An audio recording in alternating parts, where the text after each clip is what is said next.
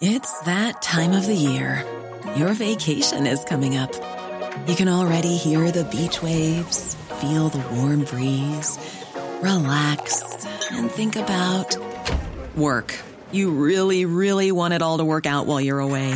Monday.com gives you and the team that peace of mind. When all work is on one platform and everyone's in sync, things just flow wherever you are. Tap the banner to go to Monday.com.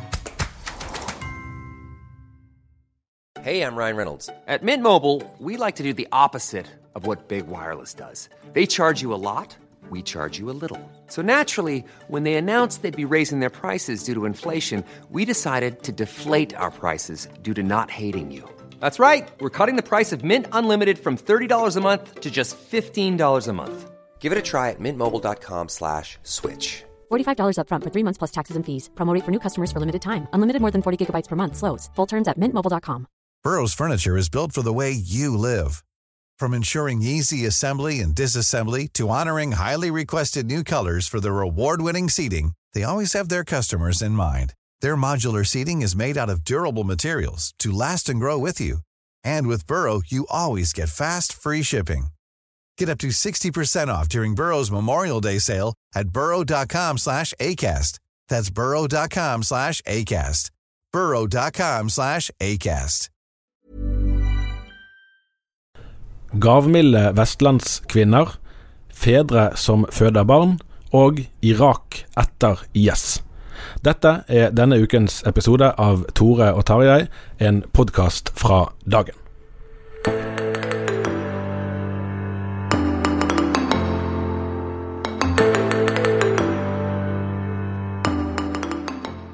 Her i studio sitter denne gangen journalist eh, Tor Hjalmar Sævik, meg sjøl redaktør Tarjei Gilje her i dagen, og min medredaktør Kari Fure, nylig hjemkommet fra Irak.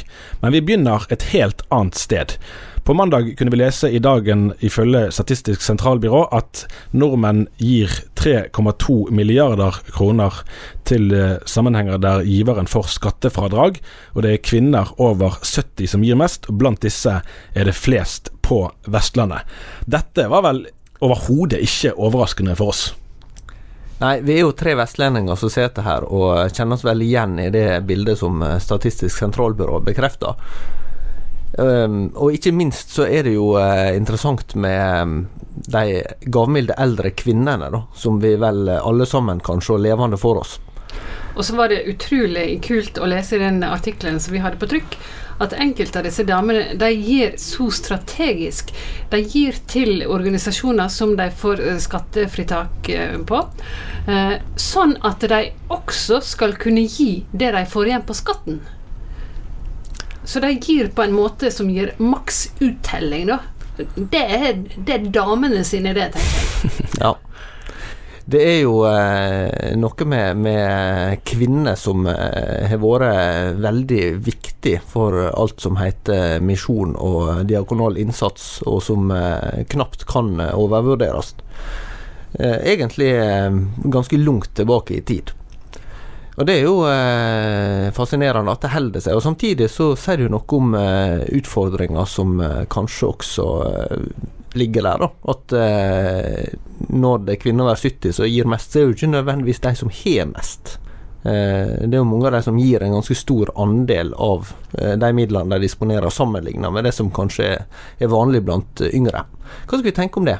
Nei, Det er noe interessant der, fordi at flere vel både kristne og andre eh, organisasjoner og sammenhenger som, som, baserer seg helt eller delvis på givertjeneste, snakker jo om at eh, når nå flere eh, av de rause giverne i den eldre generasjonen etter hvert dør ut, så må det jo gjerne flere givere til for å erstatte én som forsvinner, fordi eh, giverviljen er relativt mindre hos de som er yngre.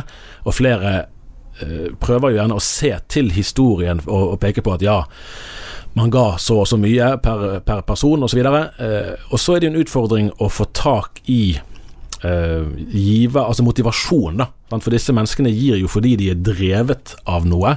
De er strategiske, ja, og det er kløktig og bra. uh, men det, vi må jo se til sinnelaget deres. Hva er det som faktisk uh, driver de? Og der lurer jeg på om vi i vår tid kan stå litt i fare for å f.eks. tro at det går an å vekke opp en tilsvarende misjonsglød, uten å samtidig ha den klare bevisstheten om evigheten, f.eks.? Ja, og så er det jo noe med, med rett og slett eh, Hvis vi skal, skal tenke litt eh, eh ut fra det som Jesus sjøl sier om, eh, om eh, den, den, som er tilgitt mye, elsker mye. Altså Det kan høres litt sånn dramatisk ut å uttrykke det på den måten, men altså den som har eh, på en måte fått et eh, sterkt møte med, med evangeliet, eh, det kristne budskapet, vil også være opptatt av å få det ut til andre. Og dette er jo en generasjon som er prega av, av vekkelsesbevegelsene, ikke sant? kanskje sterke personlige omvendelseshistorier og sånn, som ikke i samme grad er kanskje vanlig blant yngre generasjoner. Og så er det jo også en faktor, tror jeg, at at eh, Jeg hører referert fra en som, eh, som sa det. Har du ti kroner og skal Hvis en skal tenke i tieren, da, 10 som har vært et, et, ganske vanlig ideal, eh, så er det lett å gi vekk én krone, for da har du ni kroner igjen. Og har du 10 000, så ja, gi vekk 1000, det er jo en del, men har du en million og skal gi vekk 100 000, så framstår 10% som veldig mye. Men du har jo 900 000 igjen. Og så tenker jeg at uh, disse damene de står i en tradisjon som uh, har vært opptatt av misjon, ja, og som samtidig har hatt blikket uh, utover i verden hele veien. norsk kristelighet har ikke bare vært fokusert på her og nå og her hos oss, men har hele tida hatt blikket vendt utover.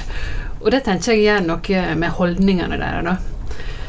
Jeg har ofte eh, trukket fram tantene mine på Stad, som har vært helt fantastiske forbilder. Eh, og Ei av dem, hun gamle tante Inger, hun sa en gang Og forresten, Kari, har jeg fortalt deg at jeg har vært med og bygd opp et ungdomssenter i Guinea-Bissau? Eh, nei, det har ikke hun, men hun fortalte det jo da. Jeg visste jo på den tid knapt hvor Guinea-Bissau lå hen. Jo da, det hadde hun vært med og bygd opp.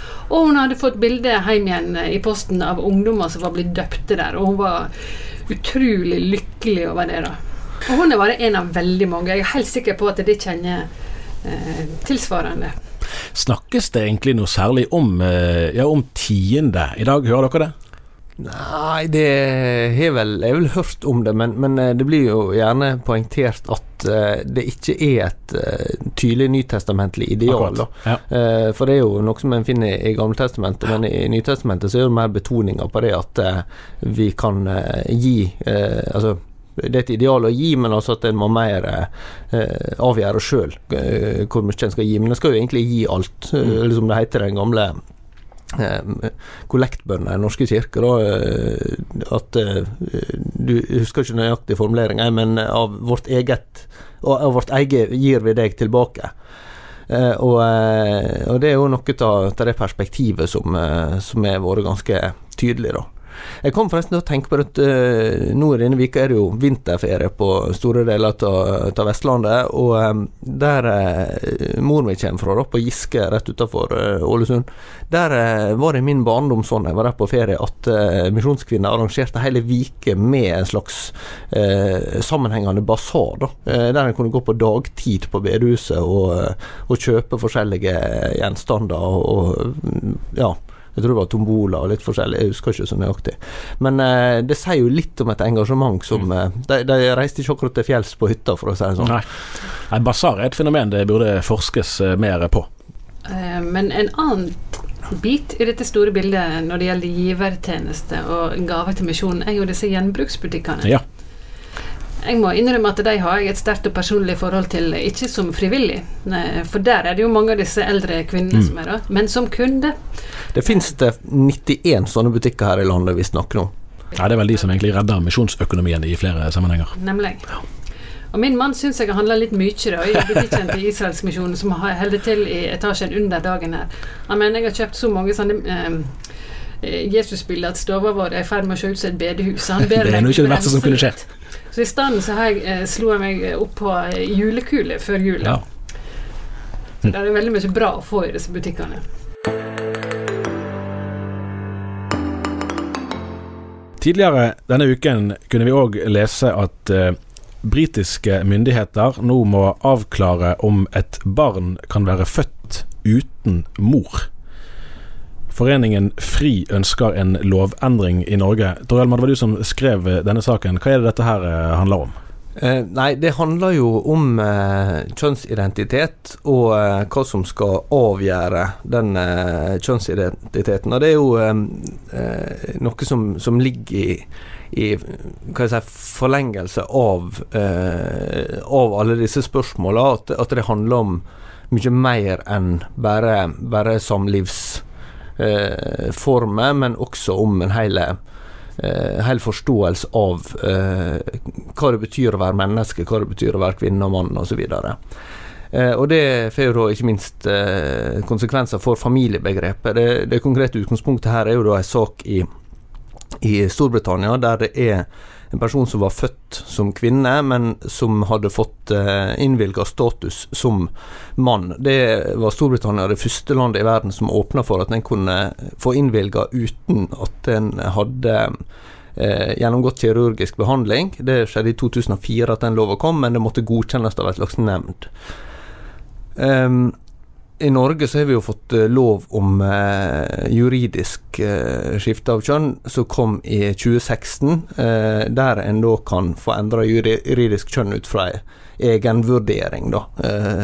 og um, Det er ikke foreløpig åpna for det i Storbritannia, men det som blir spørsmål her, er jo da om, om et barn egentlig kan bli født uten mor. da. Ja, for der er det jo et sånn åpenbart eh, biologisk paradoks, må vi kunne si. At et eh, menneske som har en livmor, og som har eh, forutsetninger for å føde et barn, samtidig skal da juridisk kunne være barnets far. Ja, det må en jo kunne si. Det er jo en, en helt ny måte å tenke om, om det med foreldreskap på. For du har snakket med Foreningen FRI, som imøteser en sånn her ja, nå, nå er det på gang eh, altså, Nå har jeg ikke sett på mandatet til dette eh, utvalget som skal se på barnelova, men den, eh, der er satt ned et utvalg fra regjeringa som ble satt ned i, i desember 2018. Eh, og et av innspillene fra Foreningen FRI det er jo at en ønsker å, i f.eks. barnelova, at det, det er bare en den som føder barnet, er forelder til barnet. At en ikke sier eh, at det er mor, at det er mer en eh, rolle som en eh, Hva rolle en velger å ha sosialt og sånn, det, det, er mer opp til, til den enkelte. Og så har jeg også snakka med Espen Ottosen, informasjonsleder i Norsk-Luthersk Misjonssamband, som har seg mye i sånne type debatter over en del tid. og Han eh, er jo bekymra for at dette skal skape forvirring da, rundt eh, eh, far og mor, og, og, og, hele den tanken om hva, hva er familie for noe, og hvordan eh, eh, ja, hva som konstituerer de forskjellige foreldrerollene. Nettopp. Jeg lurer på, Kari, altså Vi snakker jo med, med Ingvild Endestad i Foreningen FRI, som er opptatt av at vi må ha et språk som gjør at vi kan snakke om uh, moderne familier på en sakssvarende måte. Uh, og Det anliggende kan man jo forstå, men altså det bryter jo i hvert fall med etablert forståelse av familien hvis dette skal bli den gjengse terminologien som barna våre skal lære, at, uh, at, det er ikke lenger mor og far. Det er altså at en kvinne kan være barnets far. Og så er jo disse spørsmålene veldig omstridt. Det er sterke følelser og sterke interesser. Uh, og det er jo ingen tvil om at dagen står i en tradisjon som ikke uh, ønsker alle disse endringene velkommen. er denne tradisjonen, denne leiren, eller hva vi skal kalle det for, i ferd med å bli redde? Sånn at man, altså man opplever at det å innta uh, utypiske standpunkter i samtiden blir såpass belastende at man ender opp med å tie? Ja, jeg tror en kan føle seg litt overkjørt. Og, og sjøl så blir jeg sittende igjen med veldig mange spørsmål. Uh, og det kan jo delvis ha med at jeg har ikke sett meg godt nok inn i detaljene her. Men jeg lurer på dette her med å velge seg et kjønn. Hva er kriteriene da? Er det hvordan du føler deg? Uh, er det det som gjør om du kan registrere deg som mann, selv om du ser ut som en dame? Um, og hvis det er følelsene som ligger grunn, til grunn, um, og det skal styre hva en definerer seg som, så må jo jeg lure på hva da med mine følelser? For jeg har født fire sønner, og jeg føler meg definitivt som en mor. Og jeg vil ikke bli kalt forelder. Uh, jeg vil bli kalt mm. mor. Og hva da med uh, Altså, har ikke jeg krav på respekt for mine følelser? Uh, og så lurer jeg på i alle dager, hva gjør dette med barna? Mm. Jeg ser for meg en voldsom forvirring for, eh, i den, eh, blant de som vokser opp. da. Og Det er vel det Ottosen òg eh, påpeker.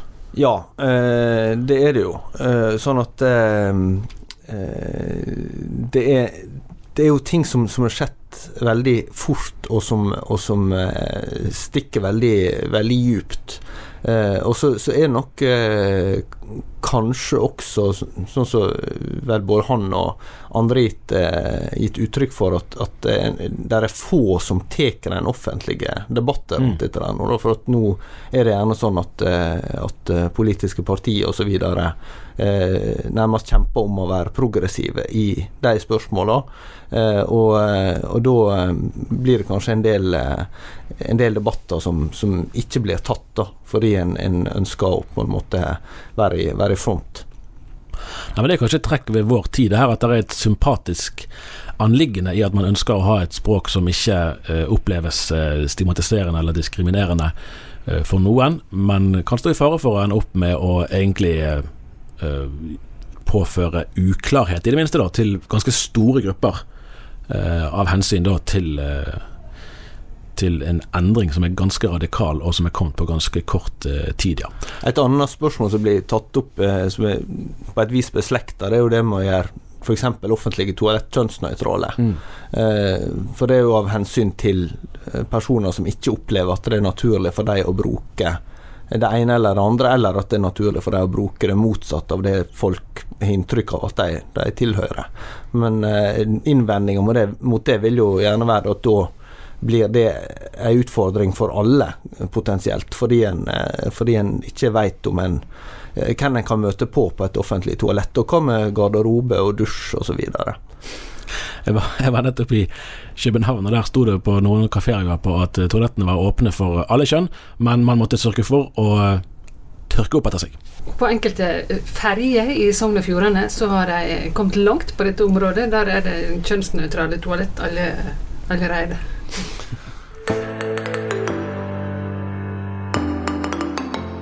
Vi vender oss utenriks. Kari, du har eh, ganske nylig kommet tilbake fra ditt er det sjette opphold i uh, Irak. Hva sitter du igjen med av inntrykk uh, denne gangen? Denne, eh, saken er den at Dagen har fått eh, stipend fra Fritt Ord for å følge opp eh, dette her som jeg tenker er et av de store dramaene i vår tid, nemlig at kristne blir drevne på flukt fra Midtøsten. Eh, både kristne og andre minoriteter. Eh, og Derfor har jeg vært tilbake til Irak nå, rett og slett for å se hvordan det går. Eh, til sommeren så er det mm, fem år siden IS eh, angrep eh, Mosul og de kristne landsbyene i Nord-Irak. Og Sinjar og jasidiene og veldig mange andre. Eh, og det er et par år siden folk kunne begynne å flytte hjem igjen. Og jeg ønsket å se hvordan det gikk med folk. For to år siden så var jeg i en landsby som heter Telleskuff. Da var det noen få som hadde flytta hjem. Spor etter krig det var veldig synlige overalt ennå. Veldig, alle, husene var plyndra. Eh, de som hadde vært der, om det var IS eller andre, de hadde stjålet alt av verdi. Resten hadde de rett og slett redusert til søppel. De hadde bare rota det i hop. Det så ikke ut.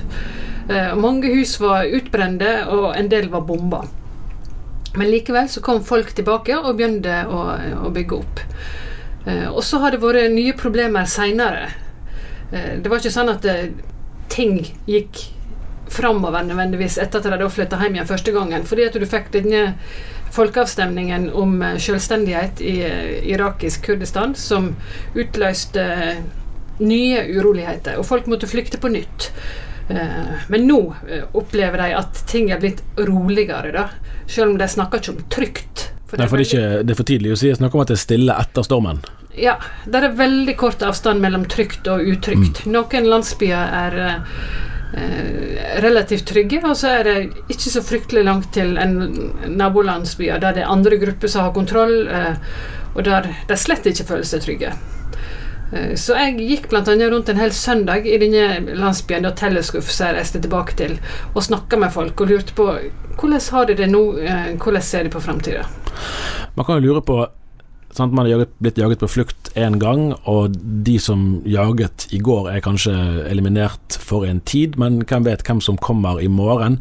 Altså, Flytter folk hjem igjen i ren sånn de har ikke noe alternativ, eller altså, har de egentlig gitt opp, eller, og er der kun fordi de må? Eh, eller har de du møter tro på at eh, det går an å etablere en fredelig fremtid for kristne i disse områdene? Det kommer veldig an på uh, hvem du spør. Altså Hvis du spør kirkeledere, så sier de at nå må vi alle stå sammen, og nå må vi, uh, nå må vi sikre uh, kristenhetens fremtid her. De er opptatt av det. De er opptatt av at folk skal bli og ikke reise. Hvis du snakker med folk flest, så sier de fleste at vi drar hvis vi får sjansen. I denne landsbyen Telleskoff, som jeg var, der alle hadde mange slektninger som allerede hadde reist, og som ringte hjem igjen, og så sa til de som fremdeles var der, at de må komme, det òg. Alt etter hvor de har fått visum hen, så er familien blitt spredt eh, i Australia, i Canada, Tyskland, Sverige.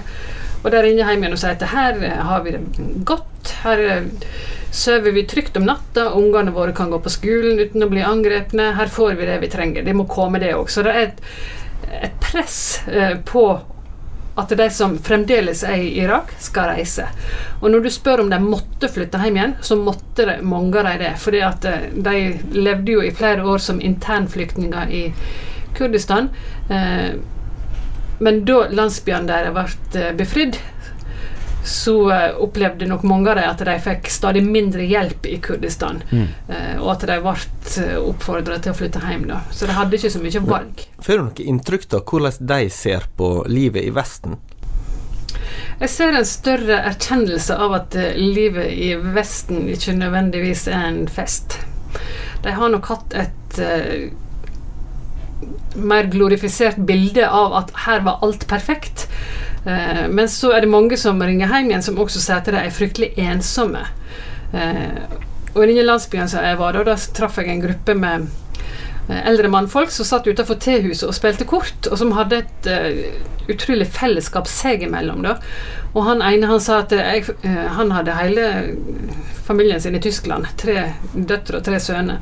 Og han sa at jeg finner jo aldri et sånt tehus i Tyskland. I Tyskland så blir jeg sittende inne i en leilighet og vente på at barna mine skal komme hjem igjen fra jobb, og barnebarna hjem igjen fra skolen. og jeg, jeg vil bli helt isolert. Så han sa at her blir jeg, og her har jeg tenkt å dø. Eh, tehuset og kompisene og kortspillet, det holdt han i Irak. For, jeg tenker at Det å flytte på seg har jo også menneskelig talt ofte ganske store konsekvenser eh, for eh, det å finne seg til rette i et nytt samfunn. Jeg, tenkte på det nå eh, i høsten jeg leste disse her emigrantbøkene til Edvard Hoem om nordmenn som flytta til, til USA på ja, det er jo seint 1800-tallet og tidlig 1900-tallet veldig mange reiste da. Og han beskriver Og det er jo i fredstid i Norge, så det var jo mindre dramatiske omstendigheter, men, men utfordringene med å finne seg til rette i et nytt samfunn kan jo være ganske betydelige. Det er det ene. Det andre er jo at eh, når det går litt tid, så, så mister en jo identiteter som en har hatt. Jeg var for noen år siden i Brooklyn i New York, eh, i et område som var veldig preget av nordmenn. For noen år siden det fantes norske menigheter og norske butikker og alt mulig. Nå er det mer som en Chinatown. Eh, den norske menigheten ligger der fortsatt, men, men det, den som jeg besøkte, men eh, den er stort sett altså De slutta med norske gudstjenester på ja, var det seint på 80-tallet, og så har de fått ei kinesisk menighet i tillegg. da. Så eh, den norske identiteten Det er jo norske navn, gjerne. De er en del av eldre og sånn. Men, men, det er jo på en måte å si farvel til røttene sine på, på lang sikt det å flytte ja. til et annet land. Det er jo det de er redde for, særlig disse kirkelederne som føler et ansvar for det. De sier at uh, vi kommer til å forsvinne som kirke hvis vi blir spredd uh, over hele Vesten.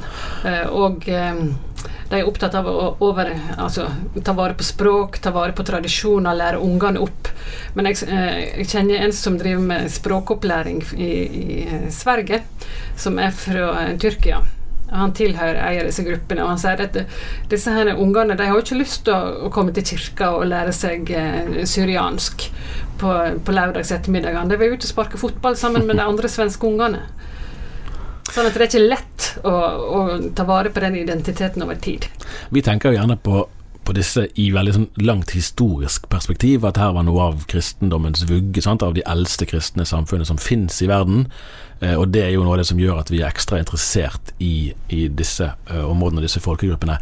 Har de sjøl en, en, sånn selvbevissthet, eller er de mest opptatt av uh, altså det umiddelbare 'vi er i fare', eller kan være i fare, Eh, altså Føler de på en måte en slags sånn ansvar med tanke på overleveringen over ja, flere tusen år, egentlig? Eh, jeg tror at det ansvaret det, det er det mest uh, kirkelederne som føler på. Jeg snakket med ei ung mor, eller jeg har stilt mange akkurat det samme spørsmålet. Ja. Og en av de som jeg stilte spørsmålet til nå, det var ei ung mor. Um, som hadde prøvd å flykte til Jordan, men måtte komme tilbake til Irak for at pengene tok slutt. Men nå sparer hun penger, for hun har tenkt å reise igjen. Når hun har nok penger, så drar hun. Uh, og så sa jeg nettopp dette her. Hva med forpliktelsene og tradisjonene og historien? Uh, og så sa hun nei. Mine forpliktelser, mitt ansvar, det er overfor mine barn. Det er der jeg føler ansvar. Og så siterte hun faktisk Bibelen.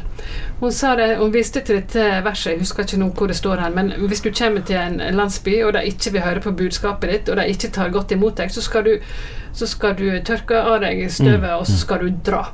Og det er det vi gjør nå i Irak, sier hun. De har ikke tatt godt imot oss, de vil ikke høre på oss. Nå tørker vi av oss støv, og så drar vi.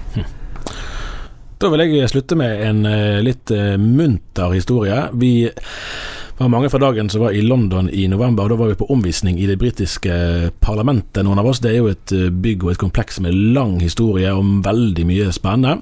Eh, vi hadde sånn uh, omvisning på Øre, og da var det han som er altså, st tilsvarende stortingspresident, John Burkow, han har vært det i ti år nå, som fortalte at uh, vi er jo vant med å se bilder derfra når de roper og skriker til hverandre, og dannede briter er ganske høyrøstet, og så skal da ordstyreren roe ned, og så han fortalte at sånn var det egentlig ikke hver dag, det var når statsministeren var der, at, at det kunne være nokså urolig.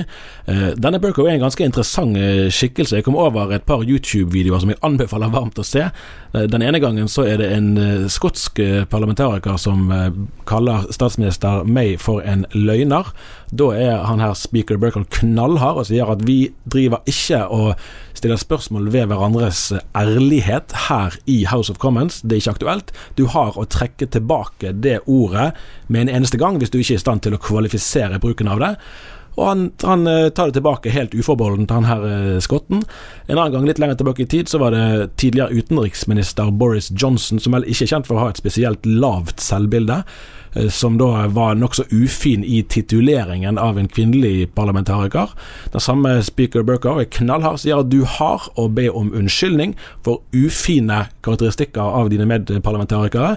Boris Johnson legger seg paddeflat og ser bort på henne her damen og sier jeg beklager, jeg hadde ingen onde hensikter. Hun Ikke helt om hun var overbevist om oppriktigheten i hans eh, unnskyldning, men den kom like fullt.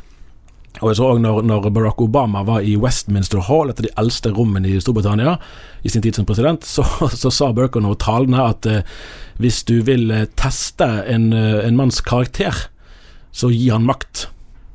Det var et sånn visdomsord som man kan anvende enten på statsledere eller på oss alle sammen. Ja, jeg vil jo skyte inn her fra det samme besøket at eh, i, eh, i eh, England så er det jo bare én setende konge som blir henretta, og det er Charles den første, som var konge tidlig på 1600, eller første halvdel av 1600-tallet. Og eh, han eh, gjorde noe som eh, har faktisk fått følge helt opp til vår tid, nemlig at han arresterte fem medlemmer i House of Commons, eh, som du refererer fra. Og det har ført til at der er rett og slett en eh, skikk med at eh, monarken i Storbritannia han slipper ikke inn der.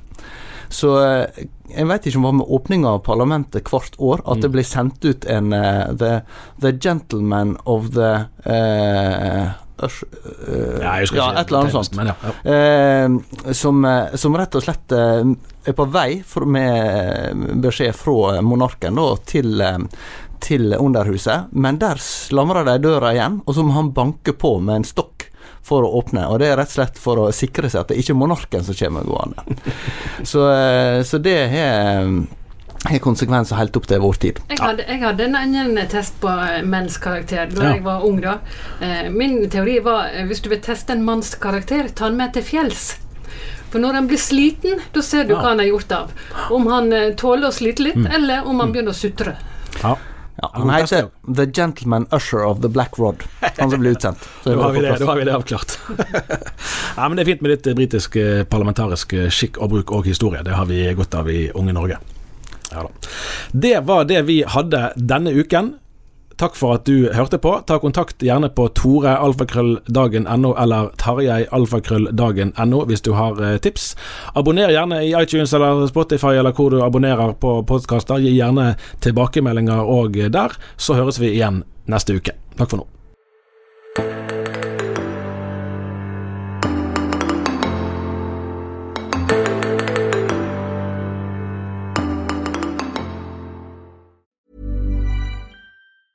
A lot can happen in the next three years. Like a chatbot may be your new best friend. But what won't change? Needing health insurance. United Healthcare Tri Term Medical Plans are available for these changing times. Underwritten by Golden Rule Insurance Company, they offer budget friendly, flexible coverage for people who are in between jobs or missed open enrollment. The plans last nearly three years in some states, with access to a nationwide network of doctors and hospitals. So, for whatever tomorrow brings, United Healthcare Tri Term Medical Plans may be for you. Learn more at uh1.com. Imagine the softest sheets you've ever felt. Now imagine them getting even softer over time. That's what you'll feel with Bowl and Branch's organic cotton sheets. In a recent customer survey, 96% replied that Bowl Branch sheets get softer with every wash. Start getting your best night's sleep in these sheets that get softer and softer for years to come. Try their sheets with a 30-night guarantee. Plus, get 15% off your first order at bowlandbranch.com. Code BUTTERY. Exclusions apply. See site for details. Hey, it's Paige DeSorbo from Giggly Squad. High quality fashion without the price tag. Say hello to Quince.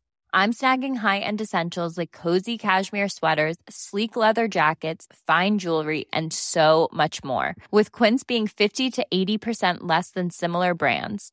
And they partner with factories that prioritize safe, ethical, and responsible manufacturing. I love that. Luxury quality within reach. Go to quince.com slash style to get free shipping and 365 day returns on your next order. Quince.com slash style.